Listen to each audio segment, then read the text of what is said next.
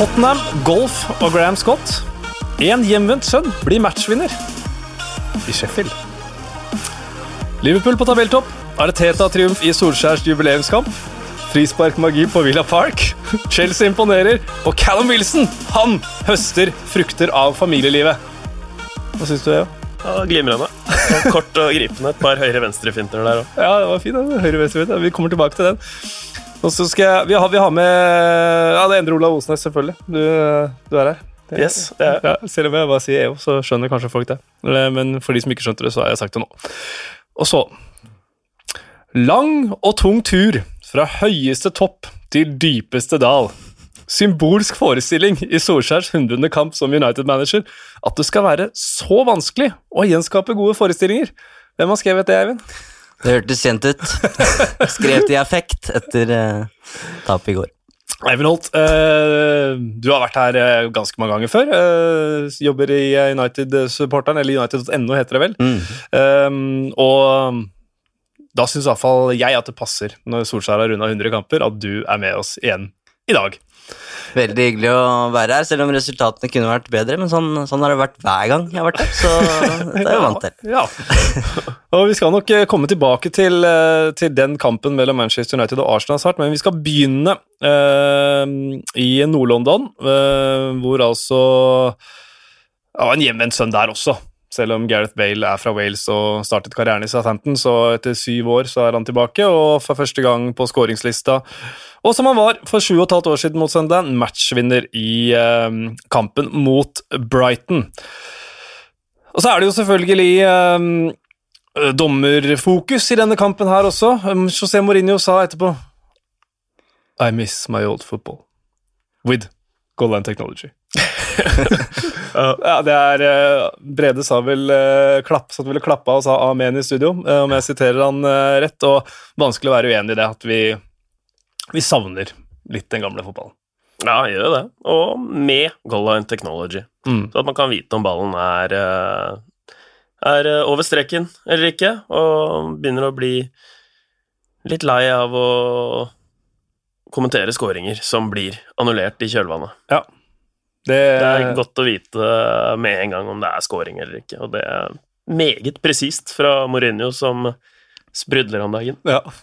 Så er Nations League og Europa League, det er det vi har. Eh, for der er det mål eller ikke, når, ja. når det blir, uh, blir skåringer. Um,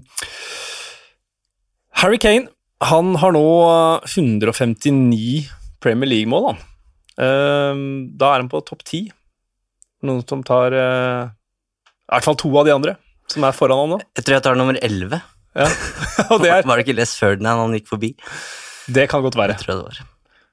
Ja, du, jeg tør ikke å sitte her og gjøre meg bort. Nei. Nei, jeg tror uh, uh, Tror ikke du hadde gjort deg bort hvis du hadde sagt Alan Shearer, eksempel. Uh, han er jo fortsatt på topp med 260. Det er et stykke fram dit for Harry Kane, men uh, han kan tangere Michael Owen neste gang.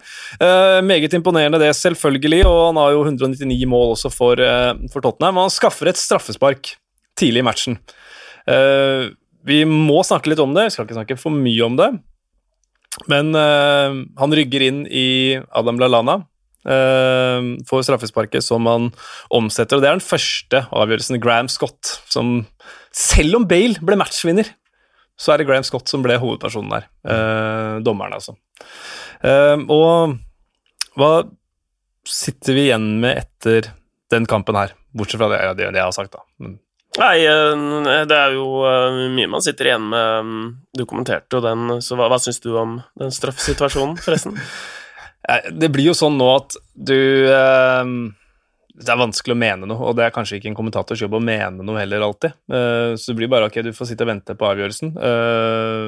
Der og da så ser du Adam Lallana komme flyende inn i Harry Kane og tenker ok, det er kanskje en forseelse.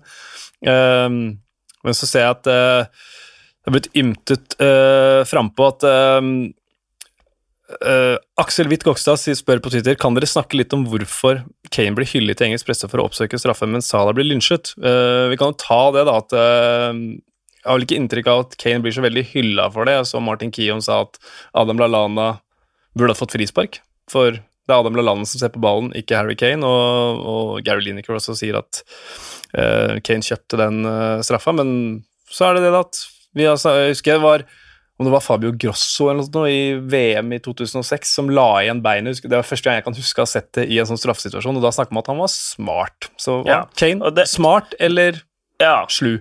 jeg vil si uh, smart, men samtidig er den jo litt Det her er jo noe Det er jo ikke første gang. Det Nei. her er jo noe Kane driver med fordi det funker. Uh, og noen ganger så er det jo litt farlige situasjoner, da, at han Mm. går inn i spillere som skal heade ballen, og rygger inn i dem, og uh, Så både og, det funker, funker for ham, men uh, det er jo et tjuvtriks. Ja, Jeg sidestiller egentlig Kane og, og Salah. De veit begge to hva de gjør, men de har på en måte rutinen og har vært i de situasjonene så mange ganger at de veit at nå kan jeg få et straffespark, eh, og så får de det. Eh, Og så er det problemet, eller et av problemene med VAR, da, at vi får se den i reprise 15-20 ganger. Mm. Og da begynner de spørsmåla å melde seg, fordi du ser det fra så mange vinkler, eh, og du fokuserer på forskjellige ting hver gang du ser den.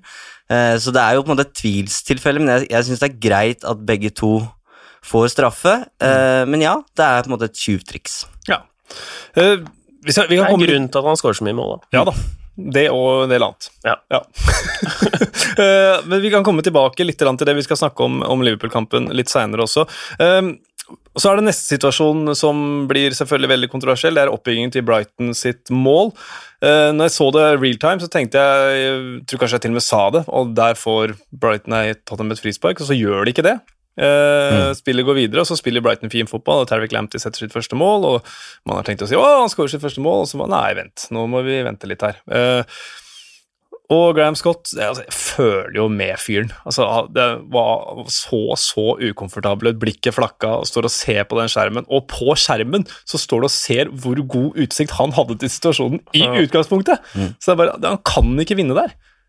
Nei, men uh, det er vel kanskje derfor han øh, også lar den øh, passere, da. Ja. Det var vel Brede Hangeland som sa det i studio, at han ser etter en minste kontakt der med ball, for å kanskje forsvare avgjørelsen øh, sin, da. Mm. Ja, jeg syns det er godt oppsummert. Han, tar, han er jo så vidt på ball, men han feier jo ned Høibjerg, og det er det som er problemet. Peter Crouch sa vel uh, Det er godt å se at dommeren går til monitor og tar feil. Ja, men det var vel, det var vel første gang øh, de ikke har forandra mening Mm. den, den sesongen. Eh, At dommeren, eh, i hvert fall eh, før denne runden, så hadde jo dommeren alltid eh, forandret mening når han gikk til pitchside, så han skal jo få litt eh, Han skal berømmes litt her òg, for Ja. å stå på sine egne meninger. ja. Eh, Brighton spiller og spiller, skaper ikke all verden. Det er samme gamle leksa for dem egentlig denne sesongen. her. De slo Newcastle, men det er litt sånn faretruende det som, som skjer der, eh, tenker jeg, som med tanke på, på at de skal, Vanskelig å si at de ikke skal ligge der eller rundt omkring nedrykksstreken hvis de fortsetter sånn som de gjør nå, selv om det ser aldri så pent ut. Men Tottenham! Tittelkandidat, eller, Eivind? Ja, de må jo være det, når de, de ligger vel nå på, på andreplass. Mm. Uh, og det er jo en veldig utypisk uh, Mourinho. Uh, følte jo selvfølgelig han tett uh, når han var i. United-jobben, og ble sjokkert med den inntredenen han hadde i Tottenham, hvor det var masse bra angrepsfotball og, og mange mål. Og så på en måte mm, imploderte det litt, sånn som man egentlig kunne forvente med Mourinho. Eh, men nå har han har liksom tatt seg opp igjen, da. Mm. Eh, og det er en De holder jo ikke nullen, men det er masse action, og han drar jo med seg de, eh, de poenga han trenger, da. Og det er et nytt Det er et veldig nytt Tottenham-lag, det her. Jeg tenkte hele tida at når Eriksen, Ali eller Kane forsvinner, så vil det Porcetino-prosjektet falle fra hverandre. Nå var det han som forsvant først, og så Eriksen, og så har Ali forsvunnet ut, Mm. nesten. Mm. Mm. men vi ser jo En ting er Bale som kommer inn og scorer, men venstrebekken Regio er jo også meget god, så og Lo Celso syns jeg er en eh, veldig spennende type, så han har jo et godt lag. Så ja, i en rar sesong der alle virker å ta poeng fra hverandre, så enn så lenge tittelkandidat. Mm. De er ganske stabile òg, og i den rare sesongen her så er jo det Det er vel problemet. At uh, til de andre, eller mange andre lag, at de Mm. ikke er øh, stabile. Manchester United, for eksempel. Mhm. Manchester City ser du er uh, variable, uh, men det virker veldig solid, da. Og- Og de ligger to poeng bak tabelltopp nå, og det, det er jo egentlig De burde jo egentlig ledet, hvis man ser hva de også har gitt bort da, Mm. i uh, kamper her. Det var vel Westham de virkelig uh, røyk der, leda vel 3-0? Ja, ja, 3-0 til det var igjen åtte minutter av fulltid. Det er vel, var historisk, da. Det var ingen Ja. som hadde rota bort det før. Nei, kjørt over eh, Newcastle. Uh, Flaks på Old Trafford. Mm. ja, der var det jo Men ja, så mm, de har liksom ikke overprestert heller. Nei. Kanskje så, altså det har vært uh, All or Nothing har vært et José Mourinho-show. Kanskje han uh, hadde godt av uh, litt ekstra TV-tid bak, bak det umiddelbare rampelyset. Og Kasta jo til og med ikke spillerne sine under bussen etter kampen mot Antwerpen. Han tok, ansvaret sjøl. Ja. selv om han sa jo også at jeg, valgene mine har blitt gjort enklere i kveld. Og Ali Bergveien Aurier ikke på benken engang i går. Eh, vi skal eh, vi skal introdusere noe som kan fort bli en ny fast spalte, vi gutter. For eh, vi skal plukke opp telefonen, så skal vi ringe. Vi skal ringe til, uh, til England og til vår fotballkorrespondent. Så det kan jo være at spalten blir kalt Fotballkorrespondenten, hvem vet? Det Det- er glimrende navn på spalten. da. ja. Vi ringer Per Atle Karlsen. Hallais. Hei, Per Atle. Espen som ringer. Hei, Espen. Da er du på uh, rett direkte inn i PL-podden sammen med Endre Olav Osnes og Eivind Holt her. Åh, kan det bli? Det hørtes deilig ja, det er jo Helt nydelig. ja, det er helt nydelig. Du er jo vår mann i eh, England nå. Um, er det Manchester du er basert i? Basert i Manchester, ja. Ja. Kom ned hit for eh, ja, tre-fire uker siden. nå. Du, hvordan er det, det lurer jeg på, hvordan er det å være på Premier League-kamper nå i, under de omstendighetene som råder? Det, det er spesielt. Altså, det, det, å, det å være på Premier League-kamper i seg sjøl er jo på en måte en guttedrøm å få lov til å jobbe med det og reise rundt på kamper, men jeg skal innrømme at det, er- spesielt og det er annerledes å være der når det, når ikke er noe, noen supportere og noen fans. Det, gjør noe med stemninga. Og det er og, og den biten der, det, det, det er veldig annerledes. Jeg har vært på en del kamper med fans, og det, ja, det er noe helt annet. Eh, Men så har du jo den biten som går på eh, som går på restriksjoner på stadion. og Det, altså, det er så strengt. vet du. Altså, jeg Mm. fikk jo et sjokk jeg, første, første kampen jeg gikk inn på. det var liksom, Da skulle jeg jeg tror faktisk jeg skulle ta en, eh, en selfie eh, eller en sånn Instagram-post. Eh, der jeg tok av meg Vi må jo ha på munnbind, jeg tok av meg munnbindet et lite minutt for å spille inn denne selfien her, og da var jeg Get your, fuck, get your fucking mask on! Det var liksom wow, det var OK, ok, bare rett på med maska. Da, da var liksom Velkommen til Premier League. Det var første matchen på Everton-Liverpool på Grisen, så det var fint. Så, Du, eh, for, for å ta det da, eh, egentlig med en gang, for det blir ny lockdown i, eh, i England fra torsdag. Da stenges absolutt alt ned. Jeg så Guardiola i dag var ute og ymtet frampå om at kanskje fotballen også burde stoppe. Hva, mm, de du har snakket med, hva, hva sier de om, om ukene som kommer? Det er det er delte meninger. Det er jo en del som syns det er rart at fotballen får fortsette med tanke på at resten av samfunnet stenger totalt ned. Eh, Samtidig så, så er det flere som mener at eh, det- er jo omtrent ikke noen tryggere plass å være på i England enn på en eh, fotballbane eller en fotballstadion. Mm.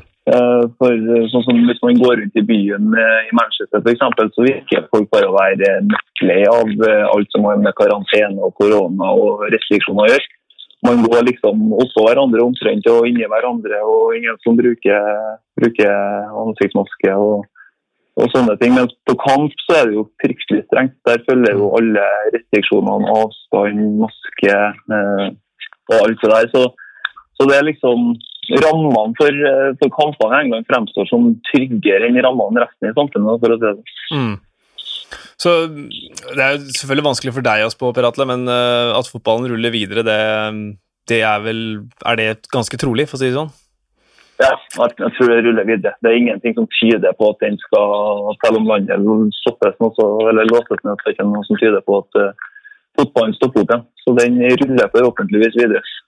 Hva med Du er jo i mixed zone, snakker med andre journalister og alt mulig sånt og Hvordan er stemningen rundt Manchester United i dag? Eller i går, da.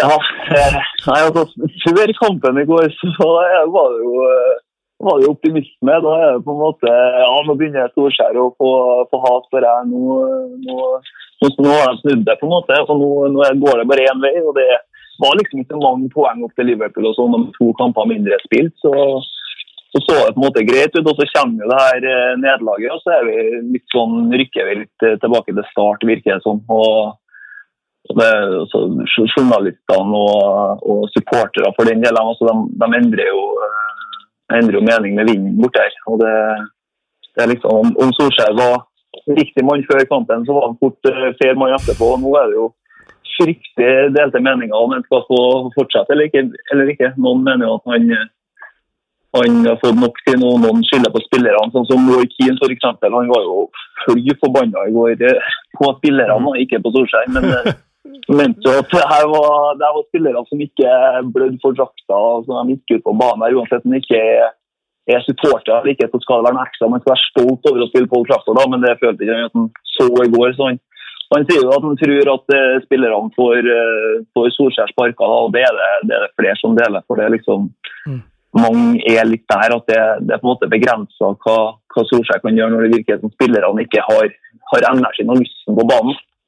Mm. Så Nei, det ser eh, det ser litt sånn halvgrått ut, men så er det jo som med Torskjær. Han finner jo alltid en måte å klore seg fast på. Så det er veldig spennende å se framover. Nå er det, jo, det er jo dårlig, den hjemmestatistikken eh, der nå, da. Og Solskjær sa jo at fraværet av publikum kan eh, ha noe å si. Du sa at det er noe helt annet. Hvordan er det liksom Kan du skjønne den uh, uttalelsen? Jeg kan, jeg kan skjønne den fullt helt. Altså, det, det som jeg snakka med, med, en, med en kompis her forleden som spurte meg om hvordan det var å være på kampene. Eh, det, det, er jo på en måte som å være på en hvilken som helst breddekamp omtrent bortsett fra at du sitter på Old Trafford da, eller på Anfield og Goodison. Så det er liksom Det er helt merkelig, for du merker det på du merker så godt på spillerne, på intensiteten. Du ser liksom på oppvarminga. Du ser på Solskjær òg. Sånn som han, han, han, er jo nesten ikke virker nesten ikke å være med i kampen. Han sitter jo, på, sitter gjerne på benken i 80 minutter, og så er kjenner han bare Mike Fielden eller, eh, eller eh, Carrick foran seg i køa oppi, i teknisk sone. Så det, det, er helt, det er rart. Altså, man merker at det, det er en helt annen stemning. Du får litt sånn treningskamp-vibe, rett og slett. Mm. Du, den kampen, kampen i går, eh, hvordan oppleves den fra tribuneplass? Altså, På TV og sånt, og så, i studio så snakkes det om et taktisk eh, spill, men hvordan oppleves den eh, rett ved gressmatta, Per Atle?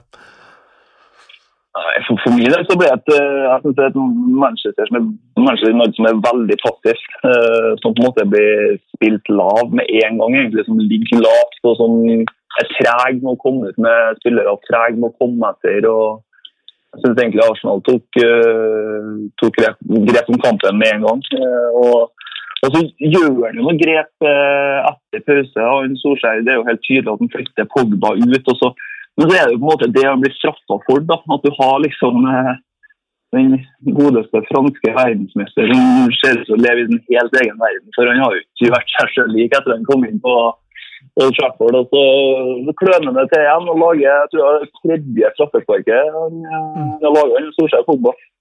Uh, så og så mister han jo på en måte Det er jo på en måte på grunn av det taktiske grepet han gjør at du taper kampen. Kan jo si at han flytter Pogba ut på kanten her for å hjelpe så defensivt. da, og så gjør han det motsatte. Han er bare vondt verre. Men jeg føler at United var på hælene hele kampen. Det var liksom, Du merka at uh, Arsenal-spillerne virka mye mer tent og mye mer klar for det. Og, mens United var sånn lunkne etter og sånn, sånn halvhjerta hele veien.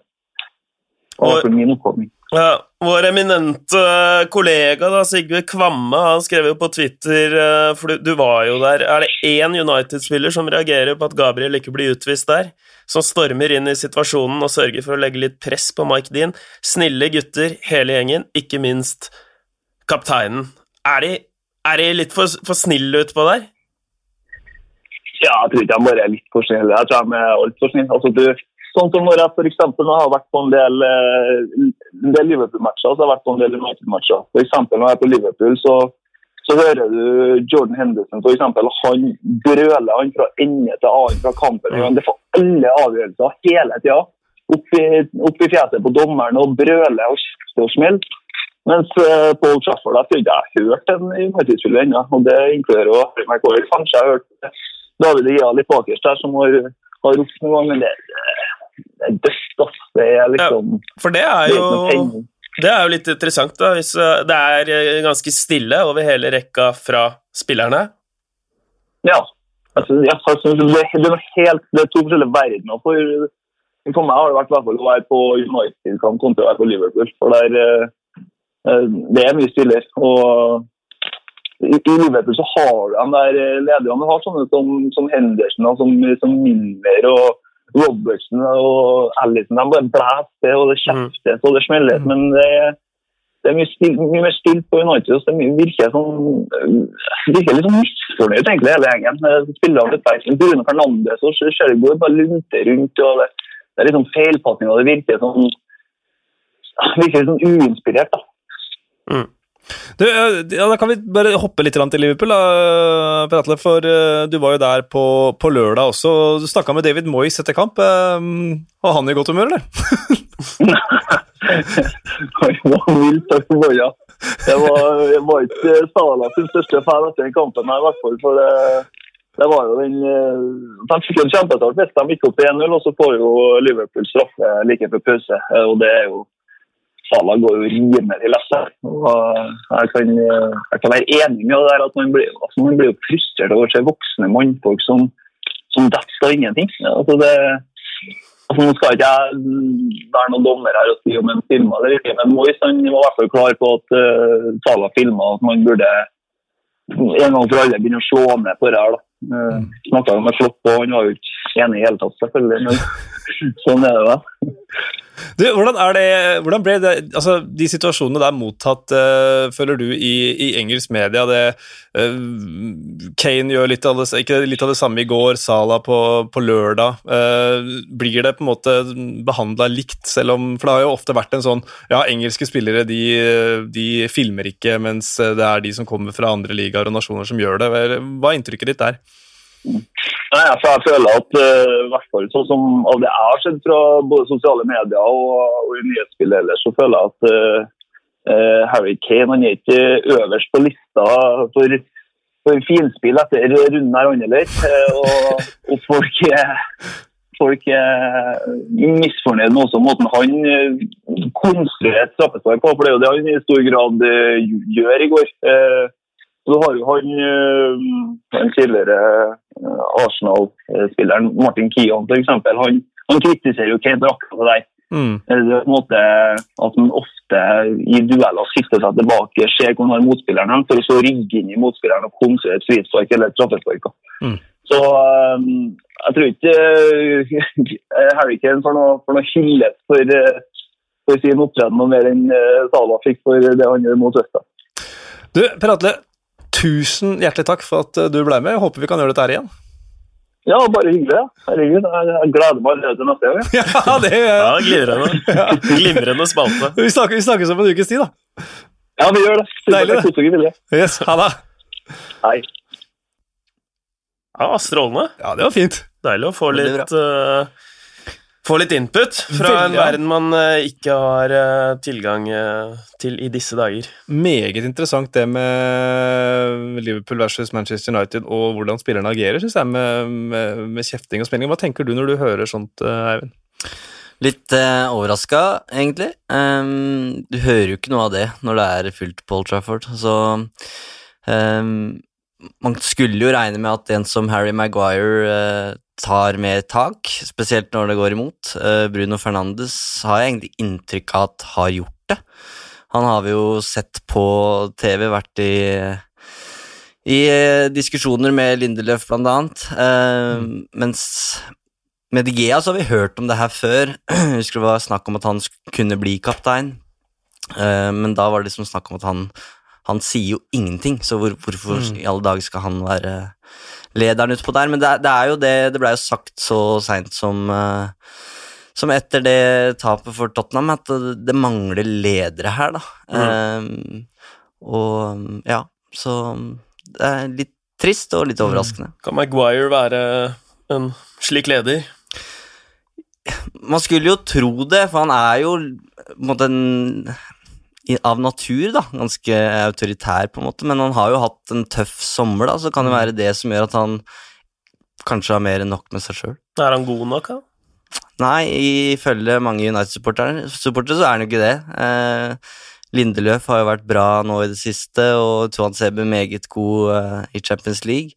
Og Da er det plutselig spørsmål om Harry Maguire, om det er plass til ham i midtforsvaret der. Men jeg, jeg tror Solskjær er ganske bestemt på at eh, han er en brikke, og han er lagets kaptein. Så han, han er nok ikke trua sånn sett.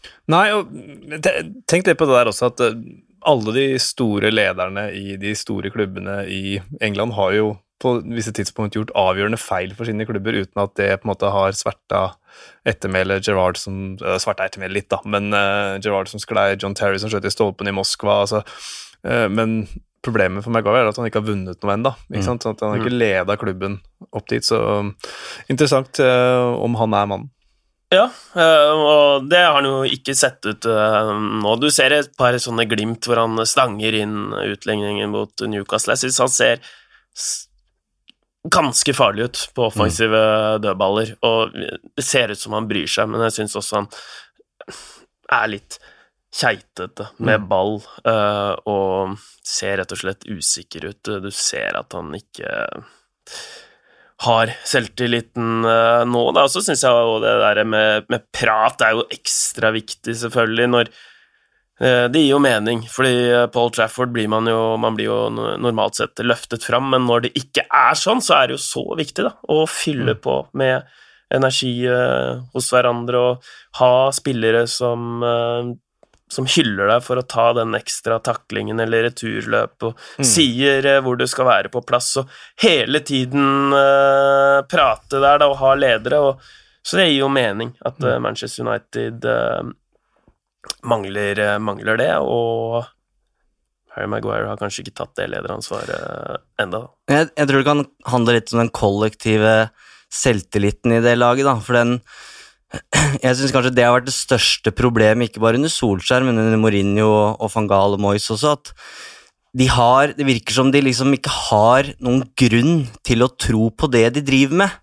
Eh, og det skal så veldig lite til før på en måte korthuset faller sammen. Litt motgang, så, så er det ingen som på en måte klarer å, å dra i gang en reaksjon. Eh, mens når det går bra, så kan de slå Leipzig 5-0. Eh, og jeg syns det er veldig tydelig, eller det blir veldig tydelig, uh, når det er Solskjær mot Arteta. og Arteta vant jo sin første kamp mot Solskjær. Jeg husker det var akkurat den samme debatten da. Hvor står de to prosjektene uh, mot hverandre? Og jeg syns på Old Trafford i går så ser du at Arteta har en så tydelig plan. da. Han, han har fortalt spillerne sine hvordan de skal spille, og han har bestemt seg for hvem som skal spille der. Gabriel har gått rett inn i midtforsvaret. Thomas Partey, kjempekamp på midten i, i går. Og Aubameyang, lagets beste spiller, do, i, vært i dårlig form, men, men veit at han, han skal spille. Eh, mens for Solskjær, det var hans hundrede kamp som United-manager nå, og det er fortsatt 100 spørsmål. Er Maguire god nok? Hvem skal spille på midtbanen? Hva gjør du med Pogba? Er Rashford en wing, eller er han en spiss? Og så var, ja, var det jo samme mm, Var det rundt sånn juletider, eh, den kampen du refererte til? Mm. Eh, Da var det jo samme problemet. Da- var spillerne slitne. Eh, Det, det så ganske likt ut. Mm. Så Ja, at de mangla Roy Keane kaller det motiverte. De er vel selvfølgelig motiverte for å slå Arsenal, men de svinger rett og slett for mye, da. Og det er jo selvfølgelig eh, gøy å følge Manchester United i Champions League, men har jo vært en enormt dårlig seriestart, da. Ja, det, det blir Ja.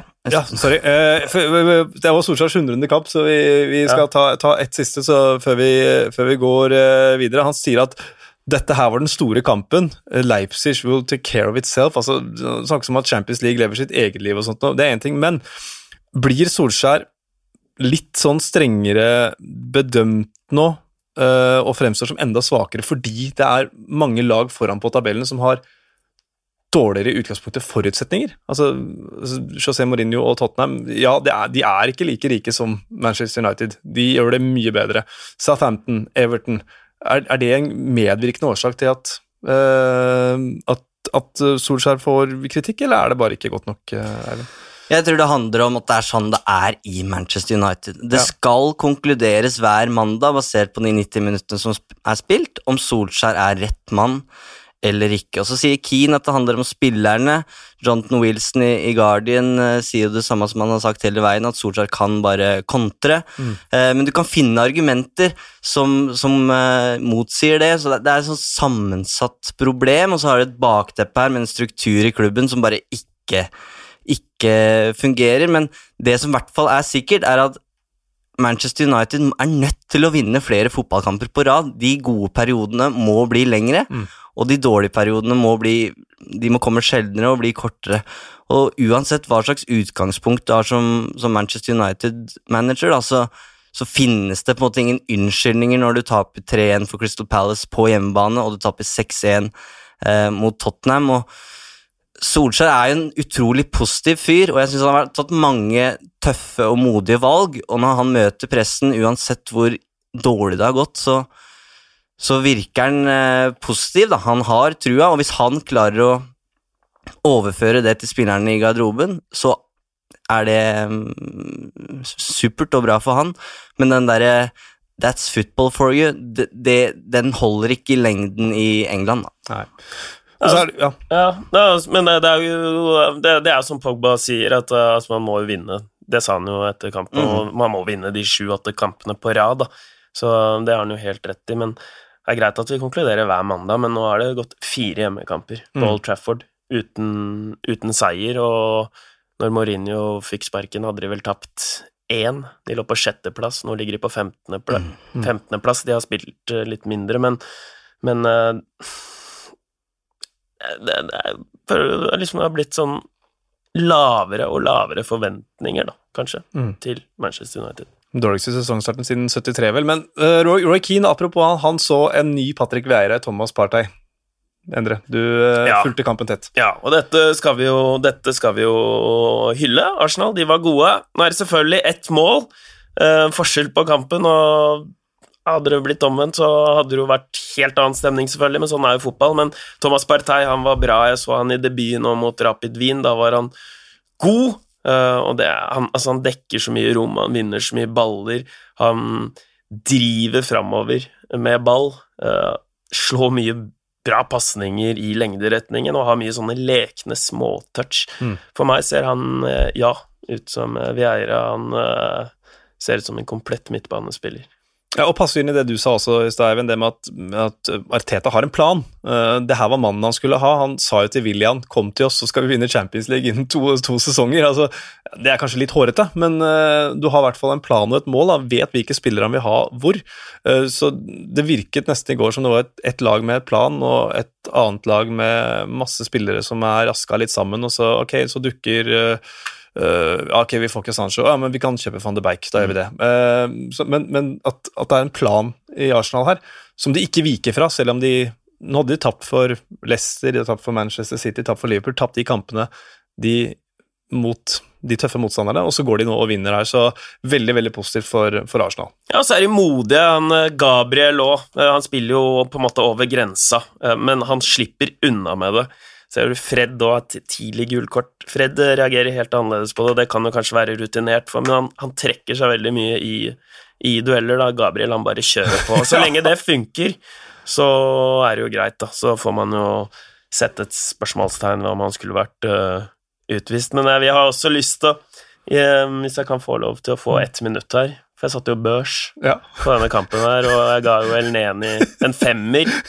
Uh, og jeg har jo aldri fått så mye klager på en spillebørs for, uh, fra Arsenal-supportere, så um, El til Han skulle nok hatt en seks-syv. Men nå, nå, er det jo til mitt forsvar, så, så han var jo ikke Messi som skårte tre mål utepå der heller. Men, og jeg tenker at kanskje en del Arsenal-supportere har litt lave forventninger da, til, til El Neni, så at man lett blir uh, overbevist. Men han, uh, han skulle hatt en seks sjuer, og så er det også sånn med børs at han forsvant litt i dragsuget, så det ble en glipp da, fra meg, for du skal sette på, du skal sette på 24 mann der, da. Mm. Og da og helst leveres rett etter kampslutt, så da var jo når Elneni var i det glimrende presset sitt i 91. minutt, så Elneni er jo en type som tenker han gjør ikke den avgjørende feilen, han banker ikke ballen i krysset eh, i løpet av de siste ti minuttene, så han er jo en av de første man setter Ja. en karakter på. Mm. Eh, så ja, prøve å forklare litt, så håper jeg får um, litt tilgivelse. Jeg legger meg eh, flat uh, for den, men selve narrativet, det jeg skrev der, syns jeg var ålreit, bortsett fra at jeg skulle gjerne ha strøkt at han imponerer ikke. Men han passer veldig bra inn sammen med Thomas Partey. Mm. Ble det veldig mye ballbesittelse her, men uh, bare for å legge den ballen død. Jeg tilgir deg. Ja, jeg òg. uh, til, eh, til Anfield, hvor eh, Liverpool altså tok, altså hadde, satte klubbrekord med 63 strake hjemmekamper uten uh, tap.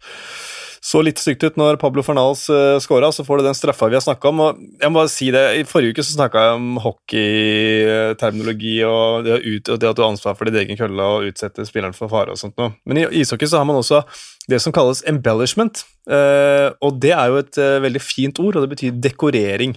Så at hvis du hjelper til for å, å markere at du har blitt utsatt for en forseelse, så kan du få to minutters utvisning, eh, selv om det er en forseelse. Altså da, da får begge lag utvisning. Uh, det er vanskelig i fotball, fordi gult kort er kanskje veldig strengt for å overspille eller dekorere forseelsen, men kan kanskje være en måte å, å se videre på dette med, som vi har snakka om allerede et par ganger nå. Med, for uh, Liverpool får et straffespark. Det er kontakt, det er straffe, men Salah, Salah filmer, ja, men det er straffe, ja. Så begge deler går. Ja. Og så er det Masuaku som Ja, lager den. Han er jo passe klønete. Ja, er- han må bare spille videre. Mm. Han stopper jo opp og blir usikker der. Så der tror jeg faktisk de ryker rett og slett pga. den reaksjonen. Um, Diogo Shotta, en annen mann som uh, Er det sånn nå at Er det på tide at fronttrioen til Liverpool blir uh, sjøfla rundt på? Spør jeg den mannen du kanskje ikke skal spørre om det, Nei, men Eivind? akkurat, akkurat det spørsmålet er det jeg har notert på blokka mi etter Ja. den matchen der, fordi jeg er- følger jo selvfølgelig med på, på det Liverpool driver med, og jeg ser verdien til eh, Roberto Firmino i det Klopp-systemet, altså for all del, men det er et eller annet som skurrer når du som tittelkandidat har en spiss som ikke scorer mål.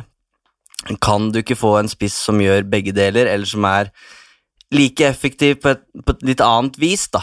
Eh, så jeg lurer på om det ikke Yota må i hvert fall være en seriøs utfordrer for den treeren, eh, treeren der, og da er det jo Firmino som ryker. Nå var det vel Sala som spilte i midten eh, på slutten av den matchen når Yota kom inn. Eh, og det funka jo fint, det. Eh, så det er en veldig god spiller, i hvert fall, som åpenbart er i form. mm. Ja, bra signering. Han tilfører en ny dimensjon til det laget. Ja, og det gjorde det jammen med Shakiri også. Det er vel første Ja. Premier League-opptredenen hans den sesongen her, og så kvitterer han ut den stikkeren. Ja, den eh, visste jeg ikke han hadde på repertoaret sitt. Så det, det, men det gjør han med, med vilje òg. Mm. Jeg tenkte det der eh, var ekstremt raffinert. Ja, for du ser jo når han jubler etterpå, for han bare, når den går inn, så bare ja da! Mm. Og så løper han bort til Shota, og det syns jeg er helt greit. Du skal få lov til å feire den litt. Ellers så ser jeg mange Liverpool-supportere som eh, sier at eh, Ja, dere sier at vi ikke Eller at vi spiller dårlig, men vi Hallo, vi leder ligaen, Mm. liksom. Men eh, jeg syns jo det er det er et Liverpool-lag som Det er ikke helt det samme som det var. Eh, og, og vendepunktet for meg syns jeg var den Watford-kampen når den rekka på 44 kamper ble brutt. Mm.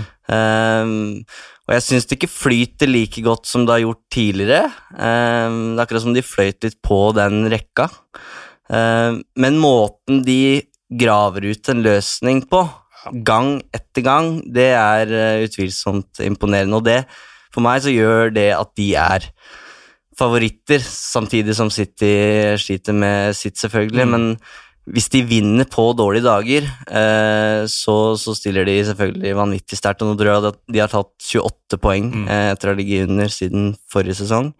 Altså starten fra for, på forrige sesong, og det, det er jo et uh, styrketegn. Ja, og nå er det City neste. Det var jo en del ganger forrige sesong og en del perioder hvor de ikke overbeviste så mye, men klarte å grave fram, Mm. grave fram resultater, da. Mm. Som ja, mot Sheffield United, den keepertabben til Dean Henderson, hvis dere husker Ja. den. Altså, det var, det var så, Ja, også de periodene da, da.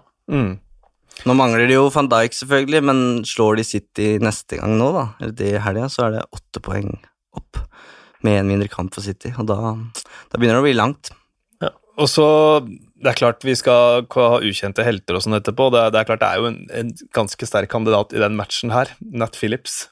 Ja, han har lagt inn en eh, god søknad. Ja, han, han, er ikke, er så han, ukjent også. han er ikke 18 år. Han er 23.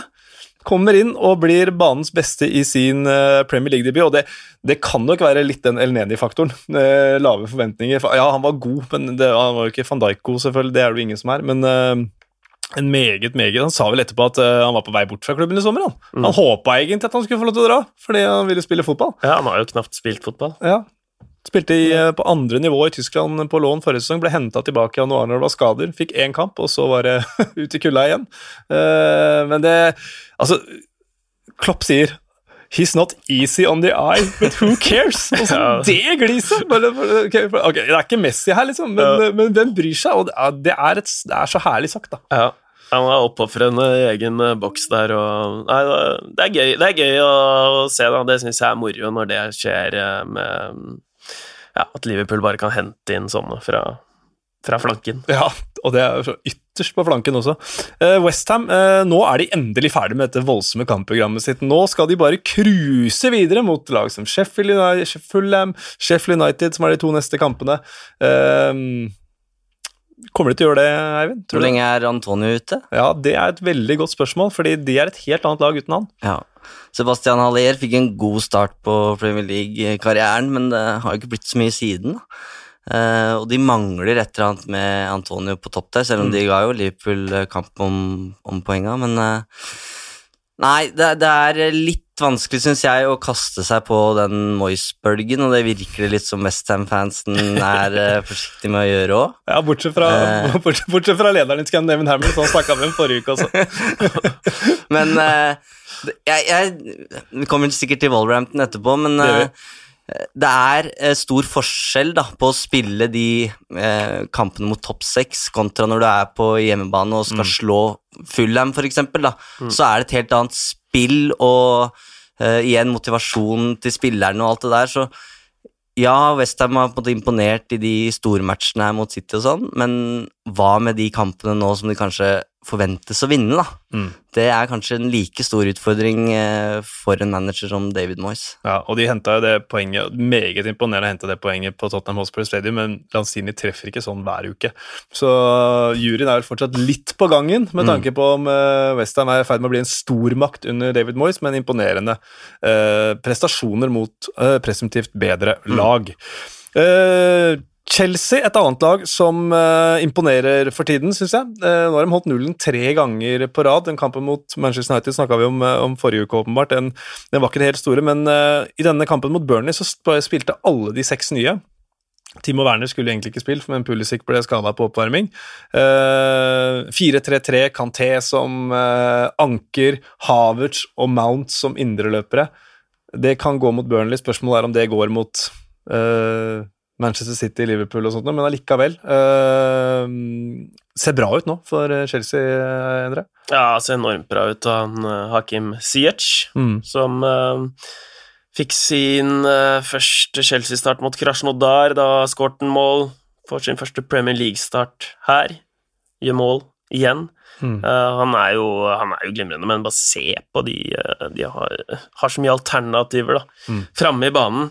Og når eh, de i tillegg da har keeper på plass, forsvarsspillet, det sitter eh, bra, Thiago Silva ser knallbra ut, da mm, Det er jo på en måte den brikken man har etterlyst hos Chelsea. De har jo alltid vært, eh, eller under Lampard, vært morsomme å sette på Mm. i, i angrep. Men uh, nå ser de også solide ut. Så han har lært, han har blitt bedre, og det er uh, enormt med alternativer framme i, i banen der. Altså, nå skulle jo egentlig Christian Pulisic starte den kampen her, så måtte han kaste inn det dyvåte håndkleet inn mot kampstart, og da kjører man inn Timo Werner i stedet for. Eh, så det er jo det er noen spillere der, da. Ja. Så pleier Kai, Kai Havertz var best eh, etter jul, så da Ja. er det vel da det tar ordentlig fyr. Men eh, Mason Mount starta jo og hadde en god match, og jeg, litt, jeg var veldig spent på det i sommer. Hva skjer med Mason Mount og Tammy Abraham, som var to viktige brikker, i hvert fall når det gikk veldig bra under Lampard forrige sesong. Eh, Blir det plass til dem? Eh, og det er det jo eh, åpenbart foreløpig, da, men jeg er veldig spent på hvilke roller de kommer til å få utover, hvis det er sånn at all, altså, den presumptivt beste, det beste angrepet der, da, med, med nysigneringene, skal spille hver match. Mm. Ehm, og så er det jo også det med at altså Frank Lampard han sier at han skjønner at forventningene har økt, og sånn, så han er nok veldig klar på. Hadde vel lite sånn stikk om at han følte at uh, han fikk litt ekstra kritikk fordi han eh, hadde fått den jobben eh, fordi han var Frank Lampard og bla, bla, bla. Så han har nok et lite horn i sida til, til kritikere der, og det, det, er, til, det er til å forstå. Eh, så har de fått keeper? Det hjelper jo. Eh, Det er stor forskjell eh, på det. Altså, det bare Ta det bare kjapt nå. Du snakka om ballbesittelse i stad. Nå har jeg mye ballinnehav her sjøl. Ja. Ja. Men Thiago Silva, altså Man kan si at ok, han er 36 år gammel, og det er for gammelt og sånn, men jeg tror kanskje også en 23-åring ville blitt litt knekt av den starten Thiago Silva fikk, men han har vært med på så mye før at han veit at ok, det var en one-off at han gjorde den feilen mot West Bromwich, og han var meget god mot Manchester United. Han var meget god i går mot Chris Wood og Ashley Barnes, som er Det blir ikke mer Premier League eh, enn det, sånn tradisjonelt sett, så takler begge deler. Ser ut som den forsvarssjefen som, som de trenger, og som jeg sa i stad, fire strake nuller. Han er jo skarp òg, i bevegelser og alt. Han ser ikke ut som en eh, 36-åring eh, i det hele tatt. Men eh, bortsett fra at han ble hvilt mot Krasjnodar for å være klar til denne kampen her, og eh, lå der med en krampe på slutten, så spent på hvor mange kamper han har i seg, da. Men han har sett bra ut, det han har spilt, i hvert fall. Mm. Kurt Zouma har blitt en målmaskin, og neste for Chelsea er Sheffield United og så Newcastle. Jeg snakka om Tottenham som tittelkandidat. Chelsea er vel, må vel også være uh, i en sesong som ser ut til å bli langt mer åpen enn man kanskje trodde på forhånd. uh, være der oppe. En outsider, i hvert fall. Eh, når det gjelder Lampard da, og de uttalelsene om at han føler seg litt urettferdig behandla fordi han er en engelsk manager i topp seks-klubben, så veit jeg ikke helt om de andre fem er enig i det. Eh, men jeg, jeg, jeg tror, eller jeg veit ganske sikker på, hvert fall, at det er umulig for oss å forestille oss det presset det er å stå opp hver morgen som en manager i de klubbene der. Mm. Eh, og vi, vi, jeg syns vi har sett det på både Klopp og Guardiola da de kom inn i Premier League som veldig eh, karismatiske managere som helt åpenbart følte at de ble trengt inn i et hjørne av engelsk presse ganske tidlig, og svarte ganske direkte tilbake igjen. Nå har de kanskje blitt litt rundere i, i kanten og sånn, men jeg, jeg tror nok Lampard bare kjenner på det presset. Eh, han blir liksom gjort litt narr av, på grunn av de uttalelsene, men eh, jeg tror nok han blir behandla på lik linje som alle andre, men det er, det er tøffe krav, da. Hvis du ikke går inn og leverer som Mourinho gjorde i Chelsea på begynnelsen av 2000-tallet, så, så må du bygge deg opp, da. Mm. Uh, og det er jo kjempevanskelig i en liga med så tøff konkurranse, så det beste eksempel er kanskje Porcettino som i Southampton begynte der, og på en måte gradvis fikk den anerkjennelsen han fortjente, da, men det tok også tid i, i Tottenham. Mm.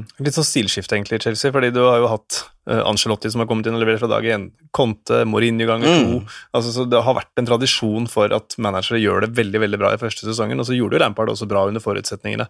Uh, så kanskje litt sånn, sånn skifte der. Burnley uh, Det ser skralt ut, altså. Det- nå, nå tror jeg Nå tror jeg det er eh, jeg, jeg, jeg registrerer at eh, mange tenker at nei, Daesh ordner dette. Jeg er ikke så sikker. Jeg tror de kommer til å få det tøft med å overleve. Det gjør de. Det, det er ikke tvil om. De har hatt tøffe starter før og tøffe perioder før og klart å snu det, så man skal aldri si aldri, men eh, de ser rett og slett ikke gode nok ut heller. Nei, Brighton og Palace er de to neste, så der bør det bli fire poeng i hvert fall.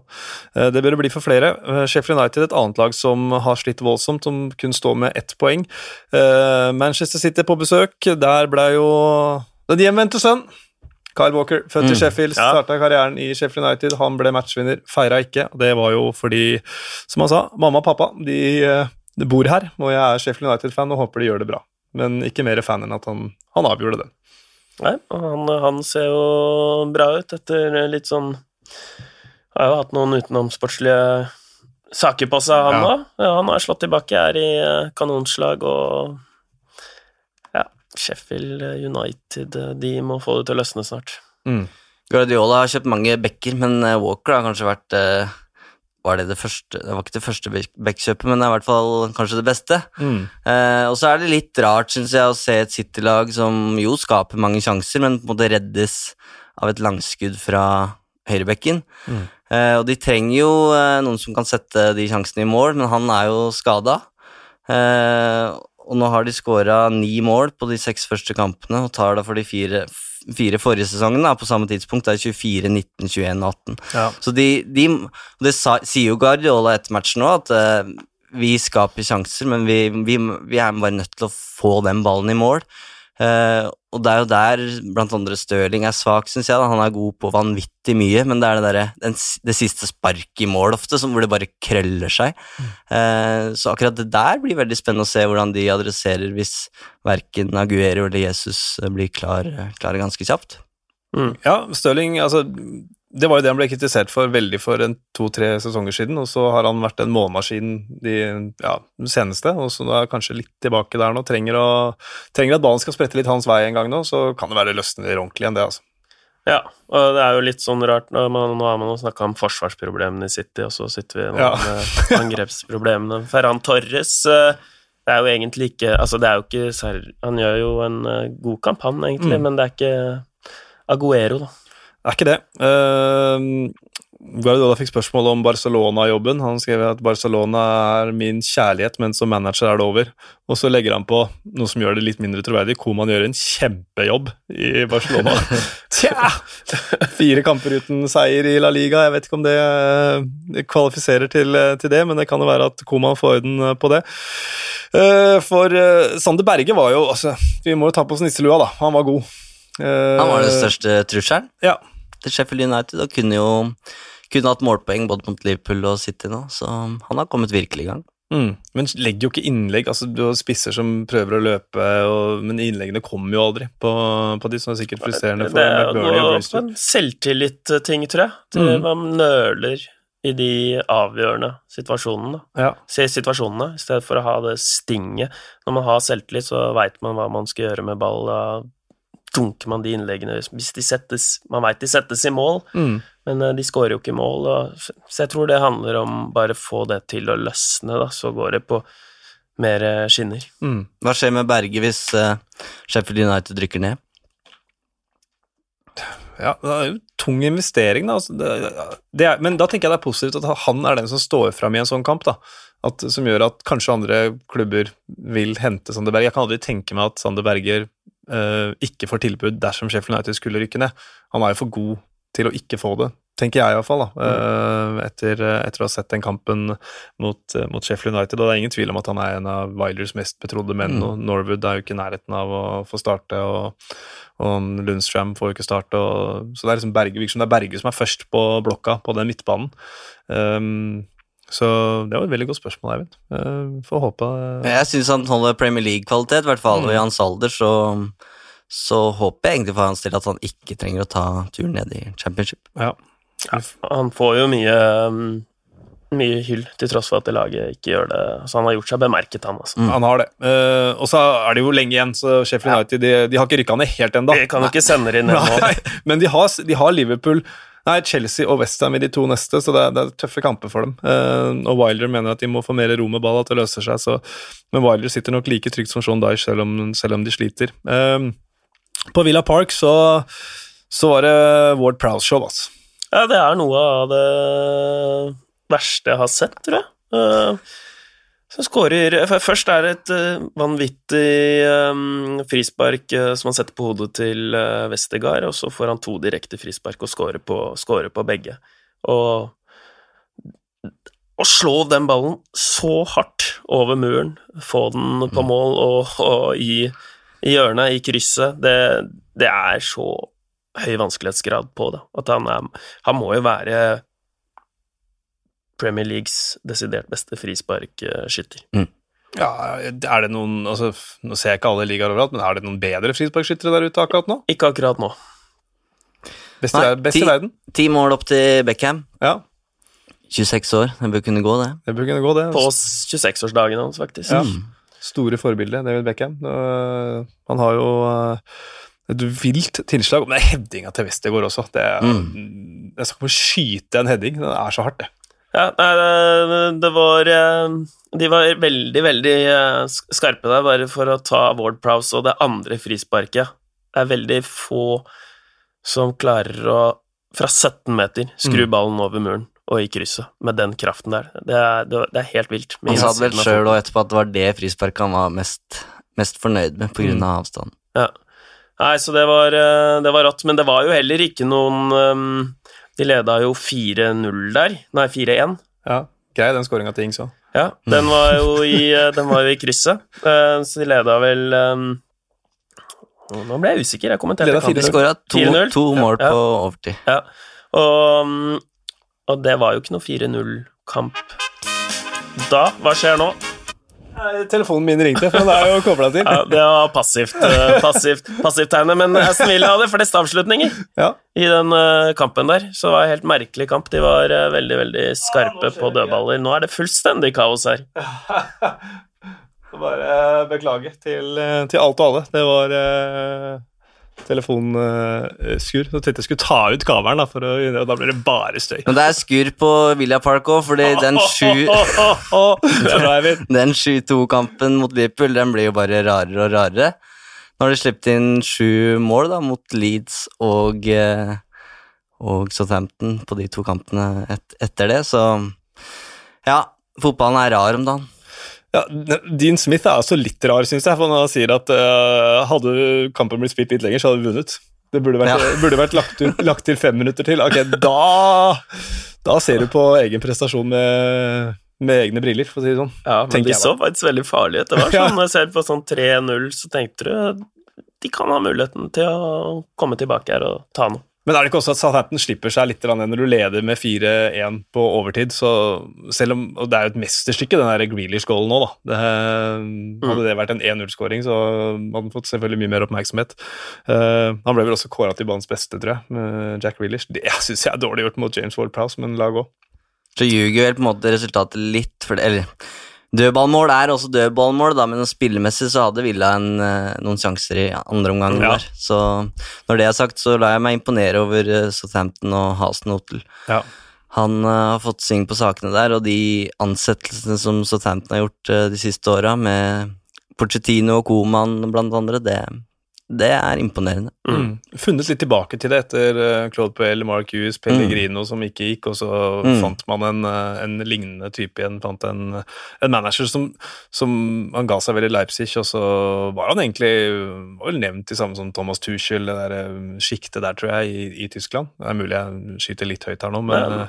imponerende ansettelse. Helt enig. Ja, og nå har de klart å beholde spillerne, og det har vært store, store frustrasjonen for hjemmefansen der, at man, eh, man eh, selger unna spillere og klarer liksom ikke erstatte dem, og så blir det ikke noe fremgang. Men nå ser det ut til at de har ambisjoner der, da, med god Mm. grunn. Men, eh, James Ward Prowse han feirer jo med sånn golfsving. og Jeg synes alltid det er litt sånn interessant hvorfor gjør man det, men det viser seg at det er sønnen hans som er veldig glad i å spille golf. Så han hadde lova før Everton-kampen at han skulle feire med det. Så skulle han dra og spille golf med Danny Ings dagen etterpå. Men så hadde Danny Ings avlyst. Så, ikke, ikke med Craig Bellamy. Nei, ikke med Craig Bellamy. så han var litt skuffa over Danny Ings, og den var ikke til han allikevel, den var til sønnen hans. Eh, men bare helt avslutningsvis der, så, så går Ings ut med kneskade. Vi, her vi sitter nå, så vet vi ikke hvor alvorlig den er. Bednarek forlot vel banen i pausen. Han fikk seg en smell i hodet, kan ha vært noe nakke eller noe, og Bertrand ut med skade. Så det er jo ankepunktet mot Southampton, kanskje. da. Ja. Det er lite bredde. Ja, og Ryker Ings uh, har ikke oppdatert på den skaden, som eh, kunne se ganske alvorlig ut. Så er det jo Det er jo krise både for Ings, som har vært gjennom det før, og, og Southampton. Steve Bruce han fortsetter å være en uh, diplomat god som noen i uh, intervjusonen etter kamp. Mente at straffesparket de fikk var uh, litt soft. Så, så vel egentlig greit ut. Den André Gomez sparker Wilson, men sånn er nå det.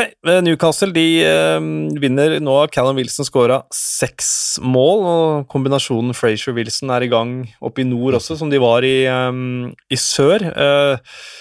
Everton uten Richarlison er ikke det Everton som leda serien. Kan vi si det sånn? Ja, de mangla jo flere òg. Ja. jeg syns det laget, når jeg så det før avspark, så tenkte jeg ok, hvem er det som skal serve Calvert Lewin her? For det er uten Digne, uten Coleman og uten kanskje viktigst da, Hames Rodriguez.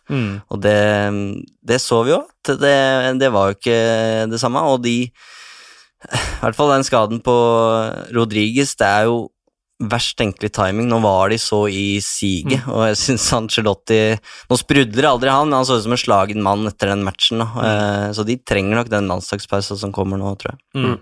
Ja, altså, Når du mangler de spillerne som radiostopper her, så er det ikke så rart at man, man sliter litt uh, i matcher. Da, man har jo et spillesystem og designa det etter at Hamis Rodriguez skal spasere rundt og strø. Uh, når han ikke er med, så, så blir det noe helt annet. Uh, eh, andre overskriften med Everton var jo at Robin Olsen sto i mål.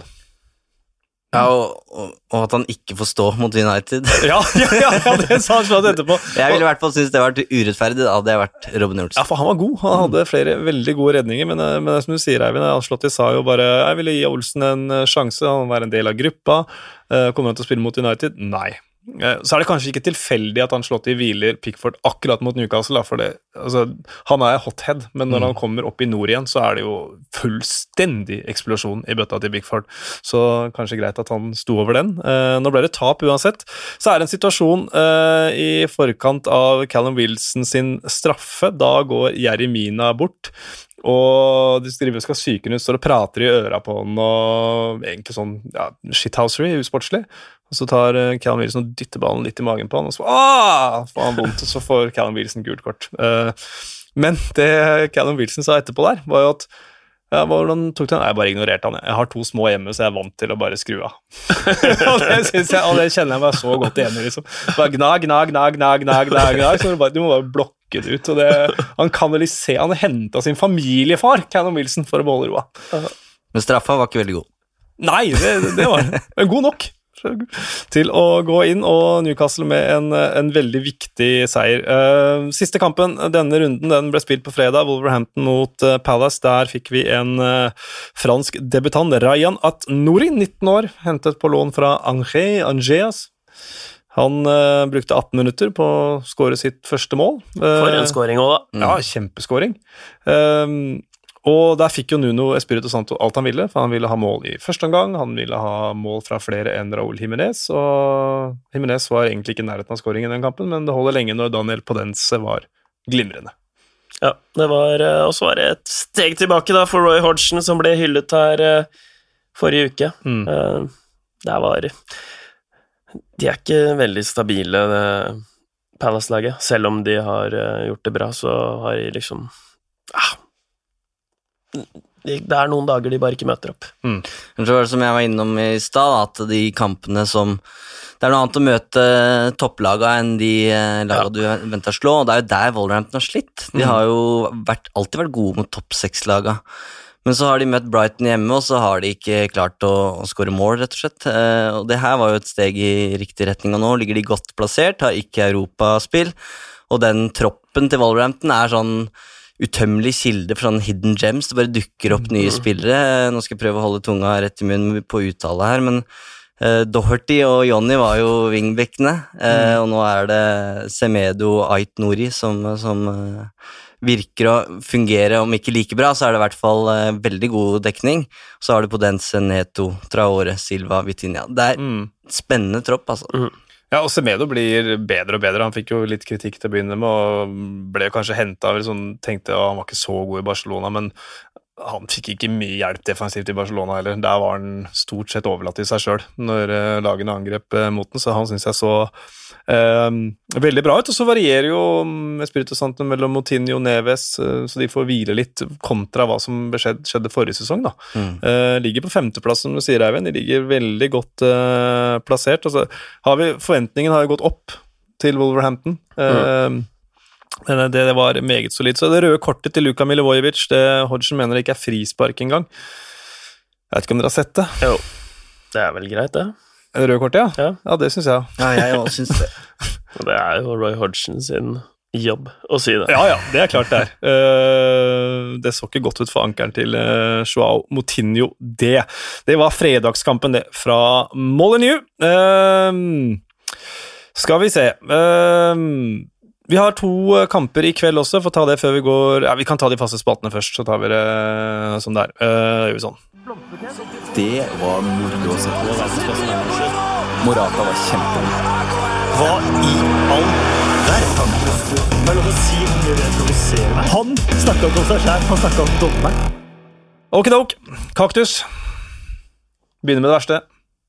Begynner med det, mm, med det verste. Eller slemmeste. Slemmeste, slemmeste. Skal vi gi den til um, være så kontroversiell og gi den til Harry Kane, da? For å drive og um, hoppe og rygge inn i motspillere, siden det er litt farlig, men samtidig er det lurt. Det er en brannfakkel, men Ja, en um, han får såpass mye ros og har så mye gode opplevelser ellers at uh, Jeg tror jeg har reporterne på Anfield i ryggen når jeg sier at jeg, de som skøyt opp raketter utafor Anfield eh, etter kampen der, de kunne fått en kaktus. Men de er ingenting mot de som skøyt opp raketter i Alkmaar eh, på torsdag. Ja. Der holdt de på i fire minutter med et satans eh, leven. Ja, det var en kjempedigresjon, da. Eh, det, den var litt dyp. eh, avsett mot Rijeka der i Europaligaen. Skal vi gi den til de som fyrer opp raketter? Jeg har ikke samvittighet til å gi det til Kane, for jeg syns egentlig at uh, Det er mange som foreslår Graham Scott, da. Uh, og det, det, Der er jeg litt på samvittighet. Jeg, også, jeg har vært ond på de kaktusene før. Jeg syns han har, må ha fått nok eh, tyn, selv om, uh, selv om uh, han ikke hadde en god dag på jobben. Mitt forslag er egentlig Jeremina, som prøver å psyke ut Callum Wilson på straffespark og lykkes Mm. så utrolig lite. Det blir bare dumt. Og i tillegg da nesten filmer på et gult kort på Callum Wilson. Der syns jeg det er mye. Gi den til Jeremina, eller? Ja, få Jeremina få den. Uh, har også et halvseriøst forslag fra Erik Sande. Det, det er et godt spørsmål, uh, Eirik. Unnskyld, Eirik. Halvseriøst forslag til å gå i studio før runden er ferdigspilt. Uh, ja, ok, vi sa det forrige uke, vi får si det igjen. Det er, det er praktiske årsaker til det. Det er, det er kamper hele tiden. Uh, vi spiller inn på mandag. Noen ganger så vil ikke ditt lag eh, bli omtalt eh, i retrospekt, men vi omtaler dem heller framover. Eh, sånn er det dessverre. Det er ikke så mye annet å si enn å rekke hendene i været, og vi får ikke snakka om alt uansett, så det er svar på det, Eirik. Eh, og dere andre som lurer, for den saks eh, skyld. Øyeblikk. Eivind, Åh, nå ble jeg tatt på senga. Uh, da kan uh, EO begynne. Ja, Ward Prowse. Um, det vil jeg si er et øyeblikk. Det er mange øyeblikk. Men uh, når han setter nummer to av to der Ble niende spiller, tror jeg, i Premier League til å skåre på to direkte frispark i løpet av en kamp. Siste siden Christian Eriksen i 2015. Men det er noe med altså, Når ballen ligger der, og du bare Det er så sjukt hvis han setter den her, og, Mm. og så gjør han det. jeg er enig. Det kunne vært Bale òg, Ja, når han uh, skårer, men jeg stiller meg bak Ward Prowse. Da blir det to mot én, for jeg hadde, hadde Gareth Bale. Syns det var et, uh, var et øyeblikk. Ja, det var absolutt et øyeblikk, det òg. Ja, men uh, Ward Prowse får den. Så er det ukjent uh, helt. Der uh, te, vi skal bare Jeg kan sitere Theodor Salvesen på Twitter. Jeg må nok sensurere litt, for det er 18 års aldersgrense på det ene ordet, men ukjent helt til Nathaniel Phillips. For hvem F er Nathaniel Phillips? Hilsen en over snittet informert Liverpool-supporter. Syns Ja. jeg er Da er han jo ukjent, da. Ja, det syns jeg per def han er. Eh, jeg ser at Elneni blir nevnt, og sånt, men han tror jeg faktisk vi har vært oppe på ukjent helt tidligere i, eh, i denne sesongen, bare. Han har vært såpass god uh, nå for Arsenal Ja, over eller tid at han uh, Ja, ikke Femmer er på børsen har vært så god. Jeg har et norsk forslag. Ja. Det er riktignok ikke i Premier League, men det kan hende det går. Ja. 17-åring fra Tromsø, uh, Bryan Fiabema, Ja, ja, dette er hvem er. avgjorde semifinalen i FA Youth Cup for Chelsea. Mot United uh, møter City i kveld uh, i FA Youth Cup-finalen. Dette er en, turner, en juniorturnering da, som Mm. er veldig høyt, uh, høy, stor prestisje Mm.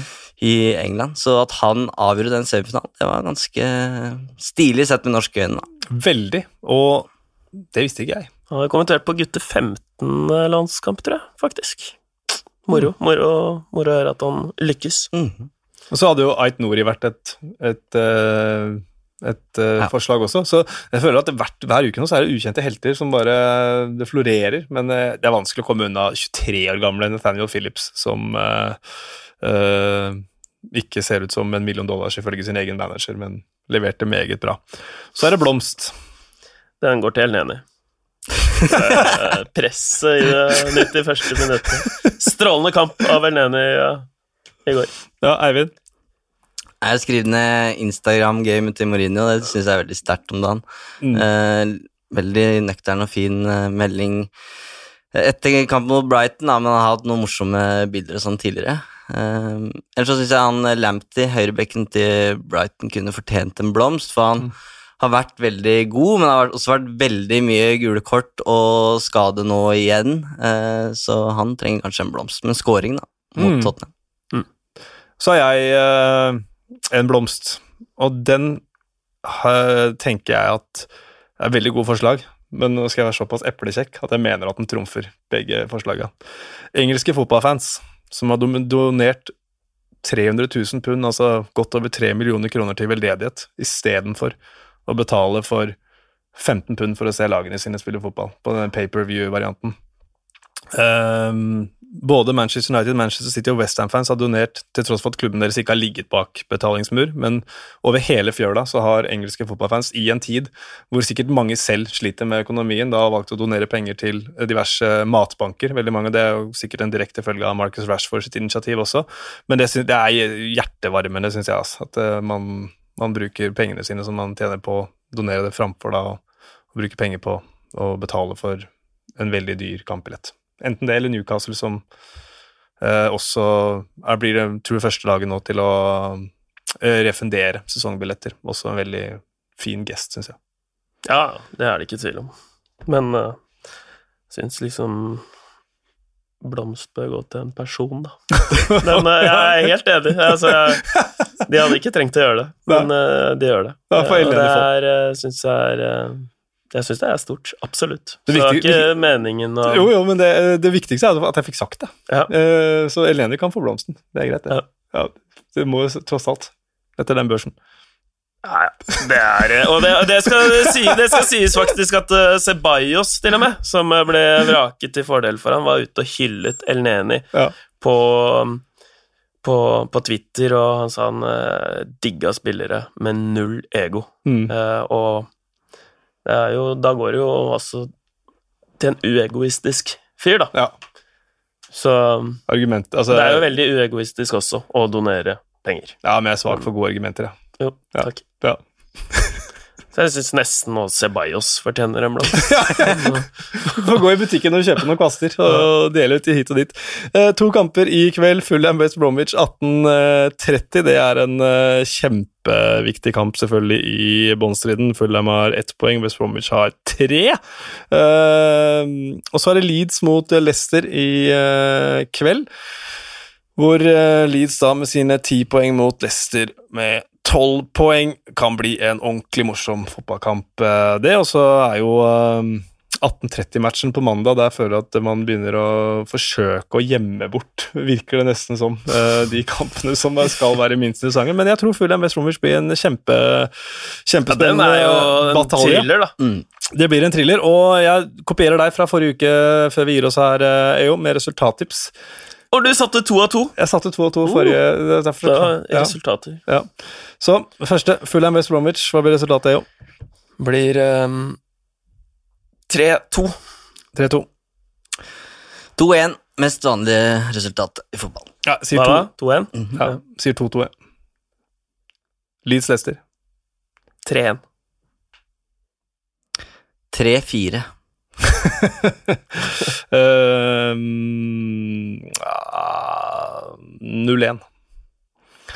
Hvem av Burnley, Sheffield United og Brighton rykker ned? Dere kan si ingen, dere kan si flere. Burnley, Sheffield United og Brighton. Uh, Burnley. Sheffield United. Hvem blir første manager, til manager til å få sparken? Den er jo vrien, da. Hva hadde du svart der, uh, Ben? Jeg svarte forrige uke, tror jeg. Scott Parker, tror jeg. Ja, det gir mening. Kan jeg bare Jeg tror jeg kopierer deg der.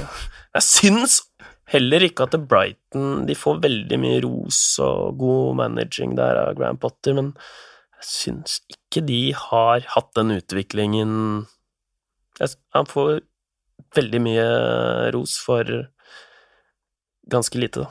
Mm. Resultater. Solskjær var jo, kall det, oddsfavoritt da, eh, for noen uker siden på den eh, angående første som får sparken, men jeg tror det sitter veldig langt inne for ledelsen der å gjøre noe. Mm. Eh, I hvert fall nå som det har snudd litt, da. Så ja, som vi var inne på her, Burnley, Sheffield United, Wilder og Dyche, de tror jeg sitter lenge før det skjer noe der, så det er Ja, jeg er enig i Scott Parker, altså. Mm. Sitter tynt. Men eh, så vinner altså ikke vinner. Kanskje de vinner i kveld, så er det en helt annen historie. Eh. Vi takker Moderne Media for at de hjelper oss å lage denne episoden her. Eh, Du kan høre den i iTunes, podkast-apper, sikkert av andre plattformer også. Gi oss ros og ris etter hva du måtte ønske. Noen stjerner om du syns det er på sin eh, plass. Endre Olav Osnes, jeg pleier å si det, og jeg sier det igjen. Det er alltid en stor ære og glede å dele studio med deg. Takk og like måte. Eivind, eh, bruker vi hele navnet? Brennhovd Holt. Takk for det. Ja, tusen takk for at eh, du eh, øste av din eh, kunnskap i dag også, og tusen takk for at du har lyttet.